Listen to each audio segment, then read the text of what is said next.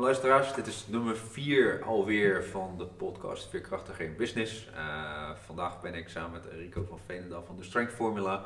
Ondertussen hebben we ook al drie podcasts achter de rug. Dit is de, de, de, derde, toch? Dit is de derde, ja. De derde. Maar die anderen waren anders, hè? actief. Ja, ja, ja die waren meer actief gezond met de vorige toko De inderdaad. vorige, bij- de Uh, vorige. fysiotherapiepraktijk. dit is gewoon een nieuwe vlag. Ja. Dus eh, ik zou zeggen, introduceer jezelf. Oh. Eh, nou ja, naam Rico. eh, eigenlijk een strengthformula bestaat sinds eh 2,5 jaar nu, denk ik. Hm. Zoiets. Ehm 2,5 jaar geleden ontslagen bij waar ik zat vanwege kostenbesparingen. Dat ehm, ehm, was onvermijdelijk en kwam mij ook eigenlijk wel ergens goed uit. En dat was het moment om te denken van, nu ga ik. Ja. Nou, we zijn 2,5 jaar verder en Ja, want zit voor- ik. De, de, een van de eerste keren dat ik bij je zat, was op, jou, was op uitnodiging. Toen zat je hier in een pandje aan de andere kant. nou, die was een derde kleiner. En eh, eh, heel blij dat ik daarmee begonnen was, overigens. Ja. Ehm, maar dat, dat, dat zijn een aantal risicocalculaties op risicocalculaties geweest. En eh, ik zit hier nu bijna twee jaar in dit pand. Ja. Ja. Wat was voor jou op een gegeven moment destijds de, de beslissende factor om over te stappen van, eh, van locatie? Van locatie. Oh, nou, dat, het was, mm, die locatie was op zich wel goed, eh, maar geen groeilocatie. Dus ik, kon daar, ik begon daar eigenlijk omdat het een hele beperkte kostenpost was. Ja. En omdat ik de afweging moest maken op enig moment, want ik, ik kom eigenlijk uit Schiedam. En de gemeente Schiedam wilde niet meewerken aan een sportschool in, in, op een industrieterrein. Dat hadden ze beloofd, dat zouden ze niet doen met de gemeente. Ehm, dus in Schiedam kon ik nergens heen. Ja. Eh, in ieder geval niet op dat moment. En toen kwam dat gekke kleine pandje, die kwam daar ter beschikking. En toen dacht ik, eh, oké, dan heb ik twee keuzes. Of ik heb zometeen klanten en geen locatie. Of ik heb een locatie en geen klanten. Wat geeft de meeste stress? Mm, klanten en geen locatie gaf de meeste stress. En Ja. eh, als je dan kijkt naar de kostenpost, ik dacht van, nou goed, ik had een beperkt contract. Nou, dat moet wel lukken. Daar kan ik wel een tijdje volhouden. Ja. Dus daar heb ik toen voor gekozen. Eh, dit pand kwam eigenlijk binnen zes maanden eh, ter beschikking. Makelaar belde me op, die zei, joh, het pand is perfect voor je. Ik zeg, ja, perfect voor me. Maar een beetje, een beetje, dat is niet helemaal mijn budget, zeg maar. Fixen. Oké. Oké. En dan zit je in een heel groot pand met eh, klanten voor een klein pand. Maar ook daar geldt weer, wat heb ik nou liever? Een groot pand en nog even geen klanten. Of zoveel klanten dat ik ze daar niet aan kan. Nou, Ja. En ook weer daar heb ik de sprong ge- gemaakt en gezegd, nou weet je, ik ga gewoon, ik zie het wel. Ja. En eh, ik, heb eerder gezegd, het is te klein op dit moment. dus, ja. En te klein dan voor het aantal klanten die je hebt? Of, of Ja, voor, Ja, ja, ja, je kan, het is heel moeilijk hier. Kijk, we, we, kunnen, we, we trainen hier met, eh, met twee coaches, eh, binnenkort met drie of vier. Ehm, en je kan er een aantal mensen tegelijkertijd mee werken, maar op een gegeven moment wordt het ook, ook hier, hier gewoon te klein. Dan Ja. wil je eigenlijk wat meer, meer armslag hebben, wat meer ruimte hebben. Ja.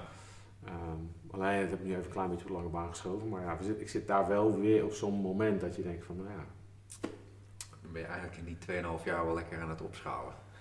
Eh, ja. maar ik schaal wel iedere keer eigenlijk, ik ben iedere keer opgeschaald voordat ik eh, het kon waarmaken, voordat ik het kon invullen. Ja. Dus, dus, dus ik heb eigenlijk altijd geanticipeerd op de groei. Ja, nou, dat, dat, dat is juist goed. Hoe schaalbaarder jij blijft, des te makkelijker je kan groeien. Voordat je de groeipijn hebt, is eigenlijk wel Ja. vooruit aan het kijken, als ik je zo goed begrijp.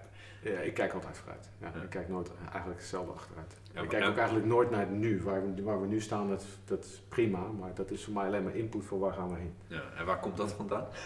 welke, welke, welke leerervaring heb je dat? Of zit, zat dat er al vanaf de geboorte ingebakken? Geen idee hoor.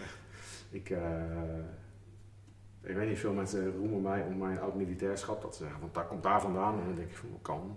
Alleen als ik dan terugdenk aan mijn dienstperiode, dan zeiden ze eigenlijk al van, oh je bent een, eh, een, eh, geboren militair. Want wij doen het altijd zo. Ik dacht van, nou, misschien heeft het er wel ingezeten. Ik weet het niet. Was dat ook de reden waarom je de toetrok tot het eh, militair zijn? Nee, ik denk dat het gewoon een familieding was. Ehm, pff, familie, eh beroepsmilitair, politie, brandweer. Ik bedoel, het was, het was een soort van, ja, goed. Het, eh, het, het, het, het beslissingen moeten nemen onder hoge druk. Ja. Dat, eh, dat vond ik altijd wel interessant. Want dat, dat plaats je jezelf wel in een bepaalde, in een bepaalde positie waarin je continu... Je kan niet achteroverleunen. Ja. Ja, dat vind ik eigenlijk wel lekker. Dus ik, dit is, moet ook, aan de andere kant, het moet ook niet continu je uit balans gooien. Dus het in balans blijven terwijl je niet achterover kan leunen, ah, vind ik geweldig. Daar, daar zit al 35 jaar versport achter. Dus dat- Ja, nou ja, dat zal natuurlijk, dat zal natuurlijk wel meehelpen. Maar Ja. dat, dat, ik, ik sprak je op een gegeven moment toen nog wel, eh, toen met de lockdown met eh, corona. Ja.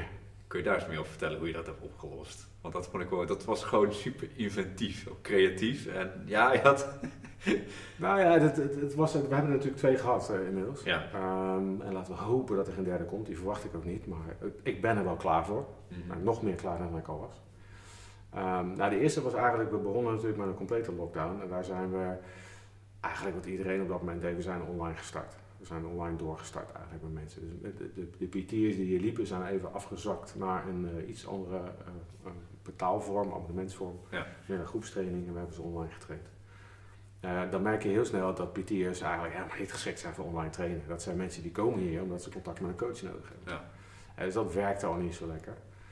En toen kwam na een maand of twee kwam de optie van, ah, ja, buiten zou je het wel kunnen. Nou, toen zijn we buiten opgestart. En dat is natuurlijk de truc. Wat ga je doen? Ga je, wat iedereen doet, lekker bootcampen en gekke dingen doen en iedere week wat anders. Ja, en dan denk ik van, dat wil ik niet, want mensen komen hier met een heel gericht doel. Daar willen ze bij geholpen worden. Ja. Uh, dus ik heb in die tussentijd, in die twee maanden, heb ik me ontzettend verdiept in hoe kan ik nou met hele beperkte middelen toch heel maatwerkgericht, doelgericht blijven werken. En ik denk dat dat gelukt is. Dus uiteindelijk begon iedereen met minimale middelen buiten Ja. gewoon nog steeds hun doelen te halen. Dus mensen bleven afvallen, mensen kregen meer spieren, mensen uh, kregen minder pijn. Alles, alles wat we deden, dat bleef doorgaan. En in die... ehm, en intussen heb ik nog een Zweeds geleerd, want ik verveelde me een beetje. Uh, maar ja, ik zat twee maanden thuis. Ja. Um, en die tweede lockdown was eigenlijk anders, want ik, ik dacht eigenlijk op dat moment, ik dacht van, oh, niet weer, ik heb hier geen zin in. Um, maar de persconferentie was voorbij en eigenlijk al mijn klanten begonnen te appen. We kopen, het was in december, het was koud. We kopen wel een trui, we kopen wel een jas, we gaan gewoon weer buiten verder, want jij kan dat. Ja, geweldig. Oké, okay, nou dan gaan we door. En zij zijn eigenlijk degene die tegen mij hebben gezegd, kom we gaan door. Ja. Um, dat, dat, heeft soms met gevoelstemperatuur van min 14 hier gewoon buiten doorgegaan. Ja. Wat, deed dat in het begin met jou? Want je zegt van je klanten hebben ervoor gezorgd dat je doorging. Hoe stond je er zelf naar die tweede in? Um, nou, ik sta eigenlijk altijd positief in dit soort dingen. Dus ja. het, het, was meer het momentje dat ik dacht van, oh, niet weer. Uh, waar zij me overheen trokken. Ja. Um, uh, het, het, het, grootste probleem wat we hadden was dat er werd, zeker van de omgeving, er werd gewoon niet meegewerkt. Ja. Uh, als het regent, dan mag ik hier een tent zetten. Dat, nee, dat mag niet. jongens, willen jullie alsjeblieft de auto's weghalen, want ik heb hier de ruimte nodig. Haal er geen zin in. Um, dus het, het, zijn eigenlijk de collega-ondernemers om ons heen die geen last hadden van die lockdown. Ja. Wel met acht man op, op zes vierkante meter mogen zitten, terwijl ik hier met één man niet naar binnen mocht. Ja, dat is hier best een uh, flinke ruimte. Ja, dat, dat, was, dat was eigenlijk de grootste irritatie. Maar de, maar de klanten niet. Die, die bleven komen en die waren ontzettend blij en die konden blijven bewegen. Want die begonnen ook, ook in die, die 1, 2 weken dat het soms dan niet gaat vanwege het slechte weer. merken ze gewoon, ik kom stil te staan, mijn lichaam begint pijn te doen. Ik begin meer gestrest te raken. Ik moet bewegen. Ja. En, en als je dat continu terugkrijgt en je ziet continu dat je hun overeind houdt, ja, dan hoef je nergens meer over na te denken. Ja. ja dat, is, dat is simpel. Maar heel blij dat we weer binnen zijn trouwens. Ja, ongetwijfeld. Met die gevoelstemperatuur en dan begint weer een, Ja. uh, begint weer een wat donkere, koude periode aan te komen. Ja, dat, nou goed, ik, um, um, ik heb wel, we hebben wel in het begin toen, toen de contactberoepen weer verder mochten. En we, ik train hier heel veel mensen met um, chronische aandoeningen, Ja. beperkingen, uh, soms ziektes. Ja. Die eigenlijk uh, heel erg de, de begeleiding nodig hebben. En ik heb dat in het begin, toen contactberoepen weer mochten, hè, zoals masseurs en fysio's, die allemaal weer naar binnen mochten, heb ik ook de overheid een mail gestuurd en gezegd van jongens, echt, dit is een lijst aan aandoeningen en klachten die ik hier heb lopen. Ja. Deze mensen begeleid ik en die hou ik op de been. Um, zeg het maar, ben ik een contactberoep of ben ik een sportschool? En, uh, en, daar kwam vrij snel het antwoord terug van, oh nee, maar in dit geval met de lijst die u laat zien, alsjeblieft ga naar Ja. met die mensen. Ja, dat is wel fijn. Dus ik kon gelukkig op het moment dat sommige mensen echt vier, we hebben vier, vijf maanden in de ijzige kou buiten gestaan. Uh, en een aantal mensen stonden echt op afhaken. Van, ik trek dit gewoon echt niet meer. Ja. Die, die, hebben klachten als reuma of fibromyalgie. En dat, die kou die doet echt pijn. Ja. Dat was net op het goede moment. Dus, Nou, dat is, wel fijn. dat is dus, fijn. dus eigenlijk in de hele lockdowns hebben we alleen maar aangepast, aangepast, aangepast en gegroeid. En ik kwam groter de lockdown uit dan dat ik erin ging. En uiteindelijk toen in mei alles open mocht, kwamen er mensen naar binnen die hadden nog nooit in al die maanden nog nooit binnengetreden. Die hebben nog nooit de binnenkant gezien, die stonden altijd buiten. Ja, En, denk je eh, van, nou, wat is dit? Ja, dus ja, ik moet zeggen, ik heb daar echt heel veel bewondering voor, voor dat soort mensen. Ja, zeker om ook buiten mee te gaan. Een mooie, mooie cliëntel dan. Mooie ja, je moet je voorstellen, mensen, mensen melden zich van, joh, ik, ik heb interesse om te trainen. Ik zeg, ja, maar ja, natuurlijk, maar we staan buiten. Ja, dat weet ik. Ja. Oké. Betekent dat jullie dus ook buiten moeten opstarten en, eh, ja, dat weet ik. Ja. Oké, cool. Maar kom maar ook. Ja, ik weet dat ik in die tijd ook bij aan het eh, trainen was. was op een gegeven moment ook, weet je, er buiten zo van nou, zelf oppakken. En dan eh, hardlopen en, eh, Ja, en dan bodyweight oefeningen. Dat heeft mij, ook, heeft mij ook op de been gehouden. ja en, en weet je wat het is als je, als je mensen, eh, als je weet wat je mensen kunt laten doen om ze verder te helpen. Dus niet hou ze bezig, hè, want dat is hier nooit bezigheidstherapie geweest. Er is Ja. niemand geweest die heeft, die is gewoon een half uurtje bezig gehouden of, of een uurtje. Ja. Al die, zelfs die bodyweight trainingen zijn zo gericht geweest dat het echt voor die mensen echt verbetering heeft opgeleverd, zelfs met minimale middelen. En ik denk dat dat is voor mij de, de drijfveer geweest van hoe krijg ik dat voor elkaar? Ja. Hoe, hoe ga ik dat doen? Het is iets wat ik wel van jou geleerd heb, is hoe je van, ja, weet je, met, met gewoon een aantal basisoefeningen, hoe, hoe, ja, Ja. dus keep it simple. Hou het simpel. Eh, eh, maar goed, dat, dat vraagt ook veel van een coach, want je moet naar iemand kijken en, en zien wat iemand nodig heeft. Ja. En niet bedenken met een boekje wat iemand nodig heeft, maar gewoon zien van hoe beweegt hij, hoe reageert hij erop, welke spieren doen het wel, welke niet. Ja. En als je dat in een bodyweight programma kunt stoppen en je kan dat goed aanspreken en je geeft ze één set dumbbells, het zijn misschien niet altijd de meest ehm, enthousiaste, epische momenten, maar ze merken een enorme verbetering ondanks dat. Ja, het, eh, soms is krachttraining of gewoon saai, weet je. Ja, maar dat is tijdsgeest, hè? Dat is. Want wat, wat zei je toen? Volgens mij had ik alleen een kettlebell nodig. Met een kettlebell kon je alles al. In jouw geval zeker, ja, want het doel daar was letterlijk om werkcapaciteit te blijven opbouwen. Ja. En, en eh, dan, dan is een kettlebell wel genoeg. Ja. Eh, ik heb iemand gehad die wilde heel graag spieren opbouwen, die had één set dumbbells. Als je het op de juiste manier uitvoert. Ik zeg niet dat het episch eh, eh, Nee, nee, nee, afwisselend nee. En, en, en fantastisch is. Het is bloody boring. Maar die had een enorme groei aan spieren. Ja. Ja, het kan. Ja. Het kan allemaal. En, en dat is wat wij eigenlijk ook in die lockdown continu tegen de klanten bleven zeggen. Het kan en wij kunnen het en we gaan het, we gaan het samen met jou doen.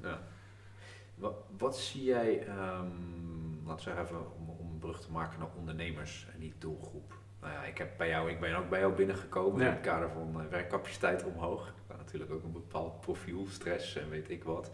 Ehm, wat valt jou op bij de ondernemers en hoe, zie, hoe kijk jij daar vanuit aan? Die- die hier je trainen, zeg maar. Bij- wijze van, of überhaupt, wat Ja. je ziet waar, de, waar een verbeterslag is.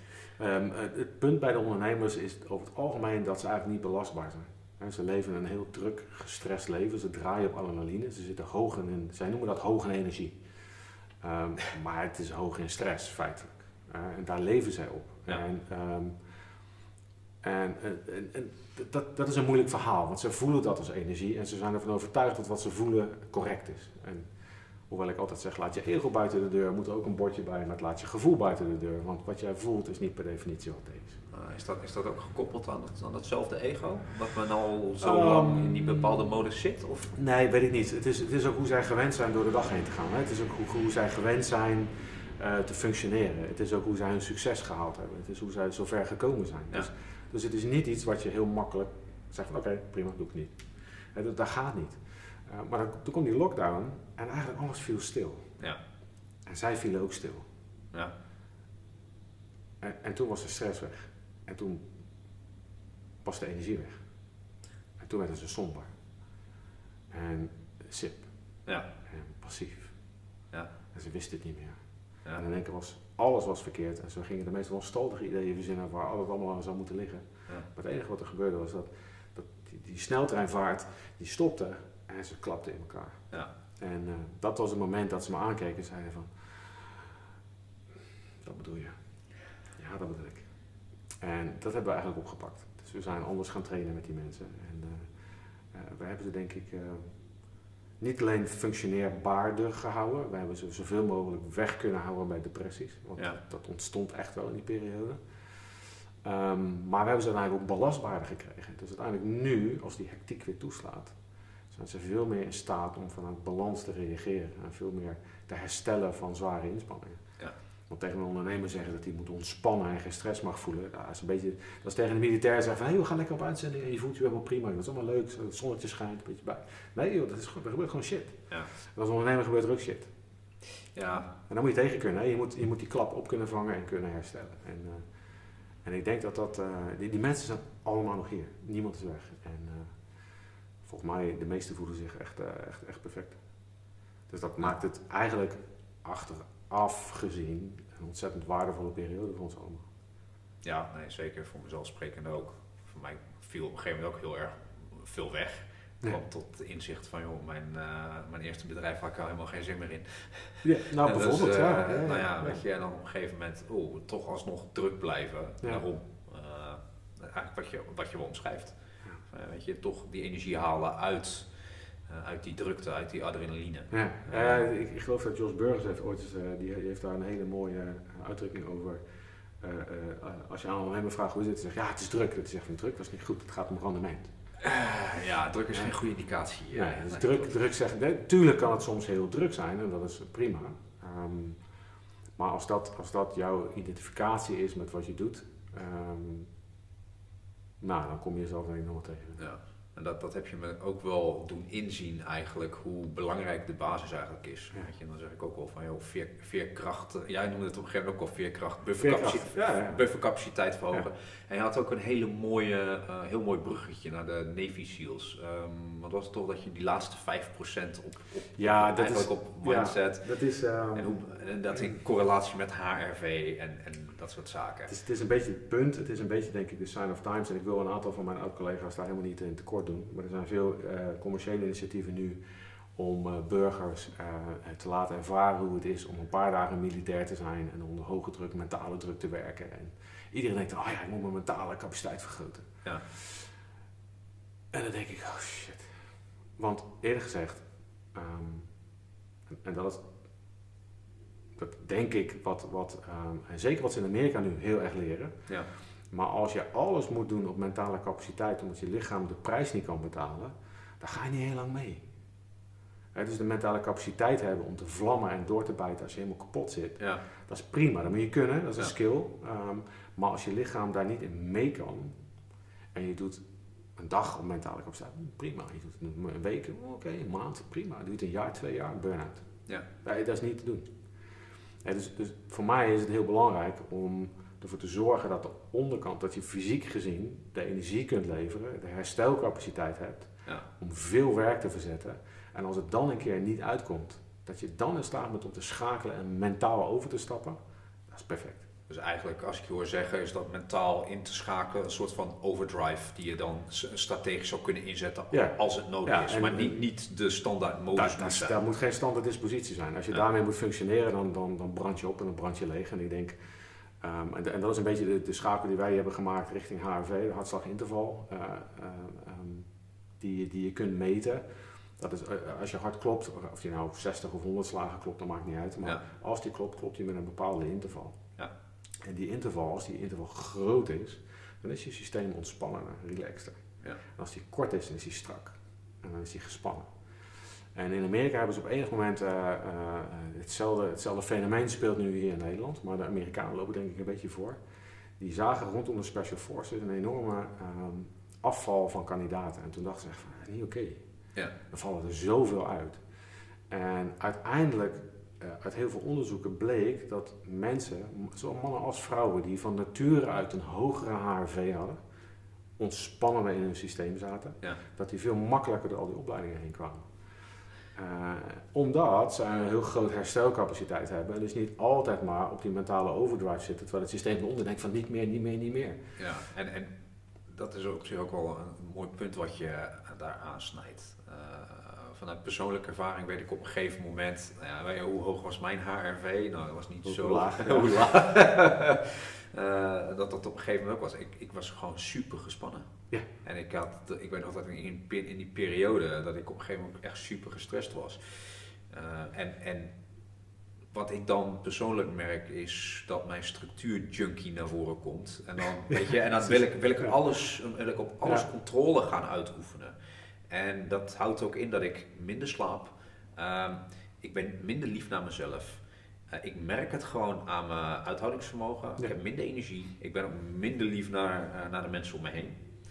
En zodra ik op een gegeven moment daar weer wat afstand van kan nemen, ik slaap beter, ik reageer beter. Ja. En mijn gevoelsbelevenis is dan ook heel anders. Ja, dan, dan- alles gaat ook vele malen makkelijker. Ja, wat je feitelijk doet is periodiseren. Als we het dan maar even over het vakgebied hebben, je bent het periodiseren. Dus je, Ja. hebt, je hebt als ondernemer onvermijdelijk periodes dat je echt denkt van, oh mijn god, hoe kom ik hier doorheen? Ja. En dat is oké, en dat moet. En dat, dat, dat, dat- soms, soms kan het niet anders. Mhm. Ehm, of dat nou te maken heeft met alle shit komt tegelijk, of je ziet een kans en je moet snel schakelen. Want dat is in mijn ogen wat ik eigenlijk continu hier probeer te doen. Ja. Maar je moet periodiseren. Je moet momenten hebben, periodes hebben waarin het wat minder hard gaat. Waarin je kunt herstellen, waarin je weer kunt opbouwen. Ja. Ehm, en, en dat is ook daar geldt weer dat als mensen dat niet kunnen, dan denken ze, aha, dan heb ik de mentale capaciteit niet. Maar dat, dat, dat, dat is niet het goede antwoord. En eh, ik, blijf, ik blijf dat heel erg hard roepen. Eh, begeleid hier ook al af en toe mensen op dat vlak, eh, ook die richting wat serieuzere beroepen moeten. Ja. Ehm, het, het loont zich echt om ervoor te zorgen dat je ook in je inspanning periodiseert. Dat je periodes hebt van bijkomen, herstellen, batterij opladen en weer gaan. Uh, ik denk niet alleen dat het belangrijk is voor je fysiek, maar ook mentaal. Als in, met, Ja. Dat wat ik ook vaak zie, ik heb een aantal mensen die coach, die nou, dan zitten op, ook op, gewoon op hoge functies. eh, eentje, of een- gewoon een- echt wel met een, met een bedrijf of wat dan ook. Dat ze dan op een gegeven moment eh, zo, hard, zo hard werken, ehm, al zo'n lange tijd, Ja. dat als ik vraag hoe voel je je, geen idee. Nee. Wat vind jij als belangrijk als persoon? Geen idee. Nee. Of doelen die ze stellen, weet je, impact maken, blijven. Het blijft abstract, maar niet concreet naar de persoon toe. Nee. En als ik dan vraag op een gegeven moment, ik had vandaag nog, zodra ik dan vraag van, joh, wat vind jij belangrijk? En of als je nou eens 24 uur op jezelf moet zijn, ja, dat, dat gebeurt niet. Nee. En die bewuste keuze om even op zichzelf te zijn, wordt gewoon niet genomen. Nee, maar mensen willen nog steeds een beetje wat. b- b- Blijf maar gaan. Of mensen zijn graag druk. Ik gaat goed, ik ben druk. Ik ben druk. Ja, Ik ben, en druk is goed. Ik ben, eh, ik ben heel druk. Ik ben druk, maar eh, oké. Wat is het rendement wat je eruit had dan? Ja. En, en hoe lang ga je dat volhouden? ja dat, dat, dat is denk ik wel een mooie, weer een mooie brug naar wat ik- dat ik ook bij die jongere ondernemers hoor, ook, ook online coaching, peak performance. Ja. Elke dag als atleet, weet je, uh, eten als een diëtist, uh, Ja. sporten als een atleet, slapen als een baby. Maar ja, ik vind hem nogal heel erg kort door de bocht. Wat vind je? Nou ja, goed. Het, het- is al, ik denk al, al jaren is dit de trend. En ehm, kijk, naar, kijk naar het hele CrossFit gebeuren. Eh, daar wordt ook gezegd, iedereen is een atleet. En je moet iedere dag vlammen als een atleet en presteren als een atleet. Maar niemand heeft ooit aan een topatleet gevraagd, hoe is je leven nou? Nou, er is een hele mooie documentaire, die heet The Price of Gold. Ja. Eh, hij staat op Vevo, denk ik. Als je hem googelt, vind je hem wel.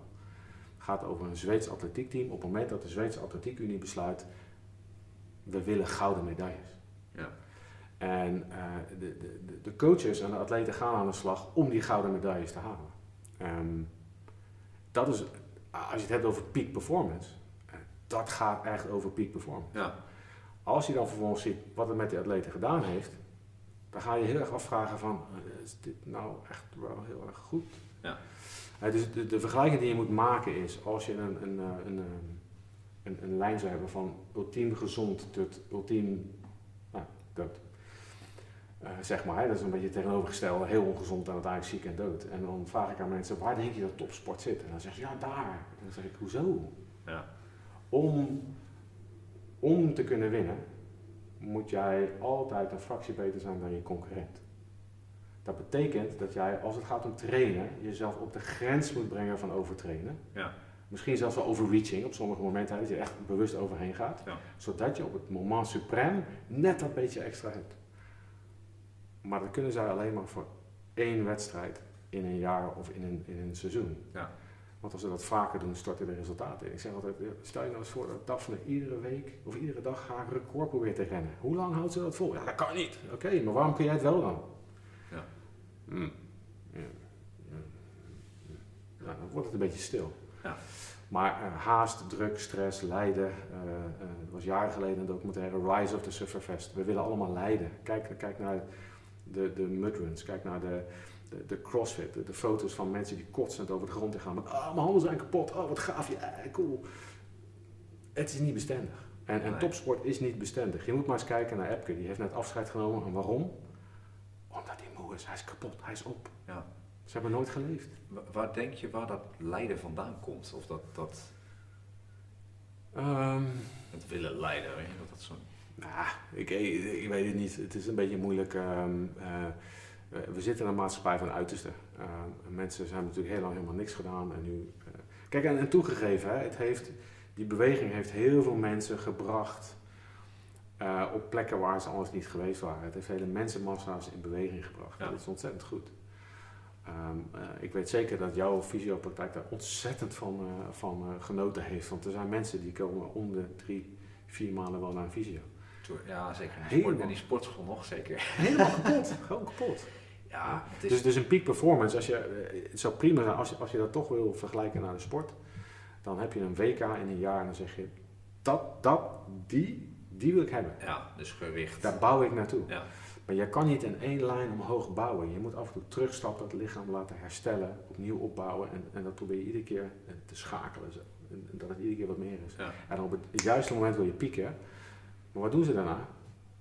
Geen ruk. Ze gaan op vakantie. Ze gaan twee, drie maanden niks doen. Ze geven alles de vrije ruimte om te herstellen. Ja. En dan gaan ze weer. Dus als je zegt, ik werk met peak performance omdat ik op gezette momenten uh, heb ik één kans, één kans om te winnen en that's it. Mm Maar niet oh, prima. Maar iedere dag, dat gaat niet. Nee, maar dat draai je zoveel kapot. Nou, topsporters liggen om 9 uur op bed, staan om 6 uur op, trainen twee keer per dag, vreten echt letterlijk alleen maar datgene wat in het schemaatje staat, hebben geen sociaal leven, kunnen nergens heen. Uh, ik ken er een paar, ik heb er een paar begeleid, uh, in, in, uh, meer op het, op het vlak van hoe moet ik hier nou mee omgaan. Ja. En geloof me, topsport maakt mensen stuk. En peak performance maakt mensen stuk. En als je dat dan niet kan en je probeert dat weer te fixen, dan komen we weer terug op dat mentale stukje. Dan vroeg of laat kom je jezelf tegen. Burnout, hallo. Hallo burn-out, hallo geen motivatie, hallo ik weet eigenlijk niet wat ik aan het doen ben. En dat is wel een beetje, een beetje jammer, denk ik. Nou, ik denk dat het zeker jammer is. Weet je, ik, dat deed je mij deed je mij destijds ook wel toen realiseren. Van ja, je had het op een gegeven moment met, met peak performance. Nou, wat, ik kom natuurlijk uit bodybuilden. Ja. Uh, dus uh, beentrainingen, 20 rappers, uh, kotsen, ja. weet ik wat. Maar ja, dat is ook weer je kan. Het, het, het, kan. het, kan. Alleen, nou ja. Op één moment in een piek en daarna laat je los. Ja. zou je los moeten laten. Periodiseren. je moet periodiseren. Ja. En ik denk dat, dat, dat alles kent feitelijk een periodisatie als je het dan toch naar die kant trekt. Uh, uh, de kaars die het snelste brandt, brandt het eerst op. Uh, laten we het daarop houden. dat is eigenlijk wat we hier altijd tegen mensen zeggen. Ja. We hebben hier mensen met heel veel verschillende soorten klachten die eigenlijk bij een continu zware inspanning het gewoon niet, niet volhouden. Ja. Behalve dan kunnen zeggen van, moet eens kijken, moet eens kijken wat ik doe. Maar vroeg of laat ontstaan pijntjes, vroeg of laat ontstaan motivatie ontbreekt. Ehm, krijgen mentaal zijn ze niet meer scherp en niet meer helder. Ze kunnen, krijgen het eigenlijk niet meer voor elkaar om nog. Uh, de, de, de muren die ze om zich heen zien worden steeds groter. Ja. En daar wil je mensen weghouden. Dat, dat moet eigenlijk niet. Daar moeten ondernemers ook niet in terechtkomen. Denk ik. Nee, als, de, als ze daar al uh, niet in zitten. Nou ja, mijn, mijn belangrijkste ondernemer hier, die, uh, die heeft drie ondernemingen. En ja, dat is een dingetje. Ja. Ja. dat is soms letterlijk overeind houden, die man. Wat, wat is dan, denk je, wat is de belangrijkste, wat, zal, wat, wat zal zo'n ondernemer kunnen doen? Weet je, van, uh, ze, ze, luisteren naar deze podcast en ze denken bij, ze krabben zichzelf achter de oren van, hmm, hier herken ik me wel in. Ja, het is, het is, um, het, het, is oeh, dat is heel, makkelijk, heel moeilijk in één zin te zeggen, denk ik. Het is heel makkelijk in één zin te zeggen, maar het is moeilijk om dat helemaal uit te leggen. Um, ik denk misschien anders hou me eerst eens makkelijk en misschien dan wat meer, meer uitbreiding, meer context. Nou, het, het, belangrijkste verschil, en daar, dat is denk ik wat wij elkaar eh, enerzijds heel erg vinden, eh, anderzijds eh, ook niet. maar het belangrijkste verschil denk ik is dat als, je, als ik het op mijzelf betrek, ja. ik ben zelf altijd verder vooruit in mijn gedachten in mijn onderneming. Dus ik, ik, wat ik vandaag de dag hier doe, dat doe ik. Dat, dat, moet ook heel erg goed, daar, sta, daar sta ik voor. Maar in mijn gedachteproces ben ik al verder. En alles wat, wat ik meemaak, sla ik op als input of mogelijk invloed wat ik uiteindelijk meeneem. Ja. Dus er is een soort van richting, een soort van visie waar ik heen werk. Mhm. En alles wat er gebeurt, plaats ik in, in relatie tot wat ben ik eigenlijk aan het doen, waar ga ik heen? Ja. En betekent ook dat ik uiteindelijk altijd wel stappen kan blijven zetten, zonder dat ik geleefd word door de waan van de dag. Ja. En ik denk dat het geleefd worden door de waan van de dag, wakker worden en denken, wat gebeurt er vandaag? Ehm, en dan overleven en dan s'avonds denk ik, oh, sorry, heb ik overleefd zeg, oké, ik ga slapen. En dan s'morgens de dag erna weer van, wat gaan wij doen? Ja. En dan na zes maanden omkijken en denken van, wat heb ik nou eigenlijk bereikt? Ja. Maar ik heb geen stap gezet om de zorgen die ik had weg te nemen. Ik heb geen stap gezet om ideeën die ik kreeg eh, uit te werken. Ja. Of, ehm, alleen ik ben dan, dat zeg ik, daar, daar vinden wij ons heel erg. En aan de andere kant, ik ben niet iemand van 16 lijstjes en lijstjes om lijstjes bij te houden. Dat is helemaal niet wat ik doe. Nee, daar Ah. kom, daar kom, eh, daar kom, eh, dat, is, dat is mijn aanpak, omdat ik natuurlijk uit een hele andere, ja. hele andere extreme ja. kom. Nou ja, en daar is ook niks dat- mis mee. Het- ja. het- het- ik werk zo niet, maar ik denk wel dat de meeste ondernemers die ik hier ken, ehm, ehm, wel zich eigenlijk meer tijd moeten gunnen om na te denken van, wat wil ik nou eigenlijk? Waar ga ik nou heen? Ja. En is wat ik vandaag de dag doe, draagt dat bij aan waar ik heen wil? Ja. En zijn de klanten die ik vandaag de dag heb, dragen die bij aan waar ik heen wil? Ja. Eh, van welke klanten wil ik meer, van welke klanten wil ik minder? Hè? Welke diensten wil ik meer gaan verlenen, welke wil ik minder gaan verlenen? Precies. En, en dat maakt de keuze die je maakt ehm, veel, veel bestendiger uiteindelijk. En die draagt uiteindelijk bij een soort van rust. Omdat je het idee van, daar, daar ga ik heen. Ja. En misschien niet in drie jaar omdat ik dat had gewild. Misschien heeft het me vijf jaar gekost. eh, maar het lukt. Nou ja, weet je, ik denk ook wel wat je zegt van vijf jaar wat het dan gekost heeft. Nou ja, ik, ik weet het zelf van 12 ambachten, 13 opleidingen. Eh, Ja. dat heeft er allemaal toe geleid dat ik nu weet je, in een andere, in een coachings, in een coachingswereld stap, om andere ondernemers en coaches help om, ja, om daar toe te komen. Precies. In plaats van eh, wat ik, ja, weet je, ook met naar fysiotherapie dan, wat ik er gehad heb, dat ik dacht, kom van ja, dat was het toch eigenlijk niet. In het begin denk je van wel, heel hard werken. Eigenlijk wat je ook, weet je, wat je omschrijft van, van, van die ondernemersprofiel, stress, stress eh, op een gegeven moment zo lang bezig zijn. En dat ik dacht van ja, waar ben ik nou? En dat de dood van mijn vader me eigenlijk ertoe gezet heeft om daar Ja, stil bij te staan. Je hebt een klap nodig. Ja, Ja, ja, je, hebt, je hebt ja. echt een klap nodig voordat je, en ja, dat, dat, gun ik, dat gun ik gewoon anderen niet. Nee. Nou, maar ik heb een hele rare neiging om mezelf continu te evalueren, hoe dan ook. En dat is denk ik, ik weet niet waar het vandaan komt, maar continu te kijken van, is dit nou, is dit wat ik wil? Ja. Ehm, wat zou ik nog meer willen? Wat, wat zie ik gebeuren? Want eigenlijk, de ontwikkeling hier in 2,5 jaar tijd is, ik denk enorm. Als je kijkt naar 2,5 jaar geleden, wat we deden, wat ik deed en, welke, en, en, en hoe, wat, we nu doen, Ja. dat is, dat is giga. Maar dat, Ja. is, dat, is niet, dat is niet ontsproten uit mijn brein. Dat is letterlijk met klanten werken. Ja. Eh, zien wat dingen met ze doen. Ja. En dan nog, en dat, dat is denk ik, dat is voor mij heel belangrijk. Ze waren allemaal ontzettend tevreden. Ja. Maar ik niet. Want ik zag dat een aantal dingen bleven liggen. En daar had ik zoiets van, oh, dat, is, dat zou ik ook graag erbij pakken. En dat ben ik gaan doen. En daardoor werden ze nog meer tevreden. En dat, Ja. dat gaf ook weer een bepaalde ontwikkeling wat weer iets liet zien. En dat zijn de kansen En- die wij hier pakken. dat is denk ik wel het hele mooie wat je dan onderstreept. Dat je dan, en mijn slogan is ook gewoon op, vanuit rust kunnen ondernemen en, Ja. en, plezier je klanten helpen. De focus ligt eigenlijk gewoon op je klanten. Ja. Die, die bepalen en dat je dan op een gegeven moment, wat je ook zegt, van minder van deze klanten, meer van die klanten. Maar dat, het, Ja. het is belangrijk om daar waarde, daar, daar te luisteren. Ja, en je kan niet luisteren als je niet rustig bent. En dat is misschien, als mensen dan wel eens, je, mensen denken, ze roepen vaak van, ga jij ook lesgeven, ga ondernemerscoachen? En ik heb gezegd, nee joh, ben gek, waarom? Waarom zou ik dat doen? Ja. Ehm, ja, dat kun jij. Nou en, zeg ik dan. Wa- wa- waarom zeg je dat? En dan zeggen ze, nou ja, ik weet niet, je bent anders. Dan Oké, wat maakt me anders? Ja, je bent rustig. en dan denk ik, oké, maar ik ben heel gepassioneerd. En nu ook, ik kan heel vol vuur vertellen. Ja. en Iets complete nonsens noemen, wat een heleboel mensen omarmd hebben.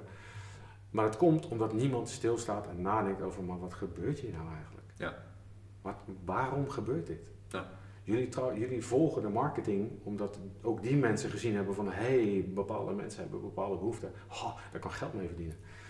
En eh, dat, doe ik, dat doe ik ook. Alleen, ik wil wel dat het echt is. Ik wil Ja. dat het oprecht is en dat het bijdraagt. Ja. Eh, maar je kunt, je kunt niet kijken naar je onderneming als je nooit rustig genoeg bent om te zien en te voelen wat daar gebeurt. Ja, klopt. Kunnen uitzoomen is denk ik wel het grootste goed wat er is. Je moet uit kunnen zoomen. Je moet, je moet met je pootjes op de grond kunnen staan, alles los kunnen laten en dan gewoon kunnen kijken van, oké, wat gebeurt hier? Wat, Ja. wat zie ik? Wat bevalt me wel, wat bevalt me niet? Ja, waar sta je? En als je 24 uur per dag aan het werk bent, zes dagen in de week, om de zevende dag in elkaar te storten, eh, geheid, dan zie je het niet.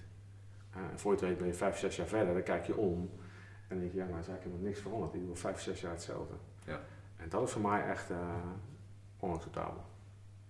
Ik, ik wil echt letterlijk, maar dat is, weet je, ik wil terugkijken naar vorig jaar en denken, oh mijn god, wat deed ik daar zeg. Ik ben blij dat ik het nou zoveel beter doe.